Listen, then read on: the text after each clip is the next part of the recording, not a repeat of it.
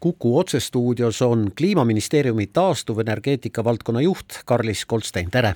tervist! Karlis, Riigikontroll leidis oma eelmisel nädalal avaldatud raportis, et Eesti eesmärgid jõuda aastaks kaks tuhat kolmkümmend ainult enda toodetava taastuvenergiat tarbiva riigini ei ole realistlik. noh, te peate kas nõus olema või mitte nõustuma? no Riigikontrolli raportit vaadates võib öelda, et me oleme ühes asjas ühte meelt ja see on see, et edusammud siiamaani on olnud märkimisväärsed. ja kui nüüd veel panna siia juurde eile pealelõunal toimunud Riigikogu majanduskomisjoni arutelu ja täna hommikul toimunud äh, Riigikogu riigieelarve erikomisjoni arutelu, siis võin öelda, et ühte meelt oleme ka selles, et oleme kaks tuhat kolmkümmend eesmärgi kursil. milles, milles siis seisneb see praegu mainitud mahajäämus iseenesest ambitsioonikas plaanis, mille teostumisele me kõik loodame ju. oluline on siin vaadata pilti tervikuna, vastasel juhul tekib meil tunne, et vana muinasjutt Achilleusest ja kilpkonnast kordub taas.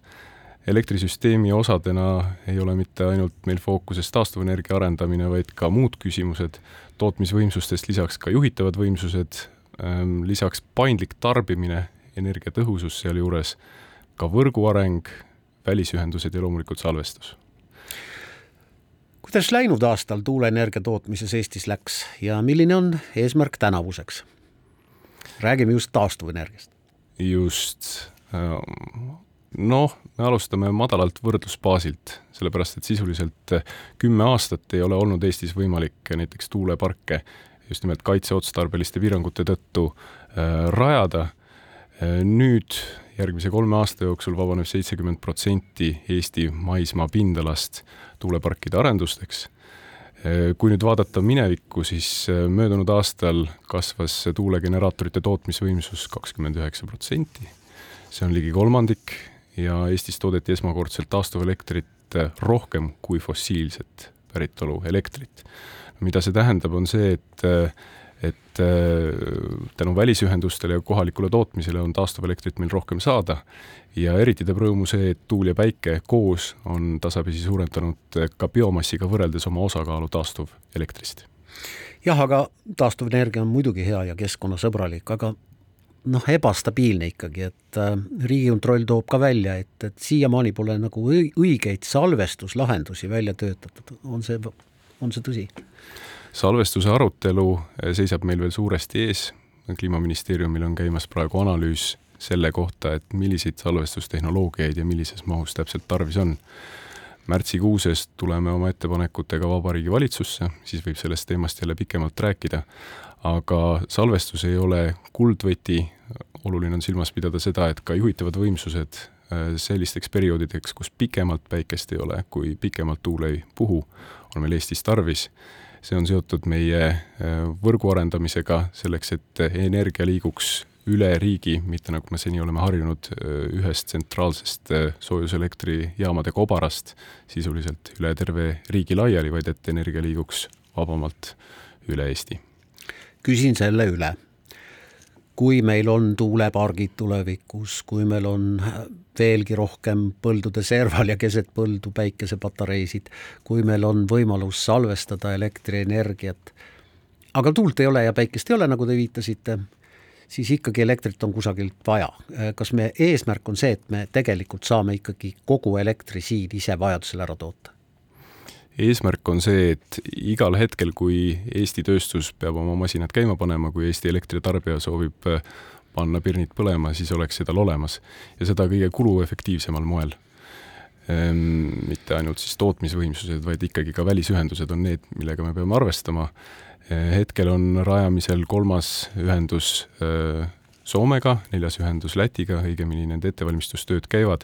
enne seda, kui me välisühendused saame paika panna, tuleb ikkagi võrgu sisuline pool, nii-öelda maismaavõrk ära tugevdada, see on suuresti ka ajagraafiku kohane ajakohastus, sellepärast et äh, mitmed nendest alajaamadest, mis meil täna võrkudes on, on juba ajale jalgu jäämas, pärinevad kuuekümnendatest, seitsmekümnendatest isegi kohati.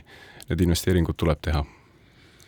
Ähm, milline see investeeringute maht on, issand, mind ikka üllatab, kuuekümnendatest pärit alajaamad siiamaani tegutsevad? On mõningaid näiteid tõepoolest, see Juh. ei ole valdav. jube kvaliteetsed olid need nõukaaegsed alajaamad sel juhul loodame, et ka uued alajaamad saavad vähemalt sama, sama kvaliteetsed, aga noh, küsimus on ka tarbimis- ja, ja tootmisvõimsuste mahtude kasv.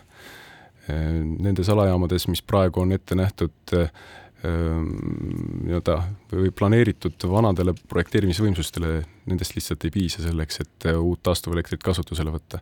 kui oli juttu ka, jutust käis korra läbi päikesepaneelid, no meie nägemuses need peaksid olema ikkagi pigem katustel, ehk siis nad ei võtaks ära kasulikku põllumaad, kasulikku heinamaad ja, ja teiseks kohe tarbimisse, ehk siis mitte üle koormata võrku seal, kus seda teha ei ole vaja jah, Eestimaalt mööda ringi sõites äh, on neid katustel, aga on ka põldudel.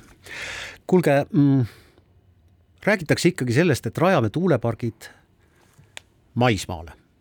miks maismaale, miks mitte merre? välistada ei saa ühte ega teist, lõppkokkuvõttes odavam kas mere, mere rajamine on kallim? merele rajamine praeguse teadmise kohaselt on kallim, kapitalikulu erinevus on kahekordne no aga lihtsam on ju ikkagi merre rajada selles mõttes, et oh, me teame ju Eesti maaomanike vaidlusi, kui ke kellegi noh, värava taha püstitatakse tuulegeneraator, et olete valmis selleks? tehniliselt lihtsam on siiski arendada maismaal.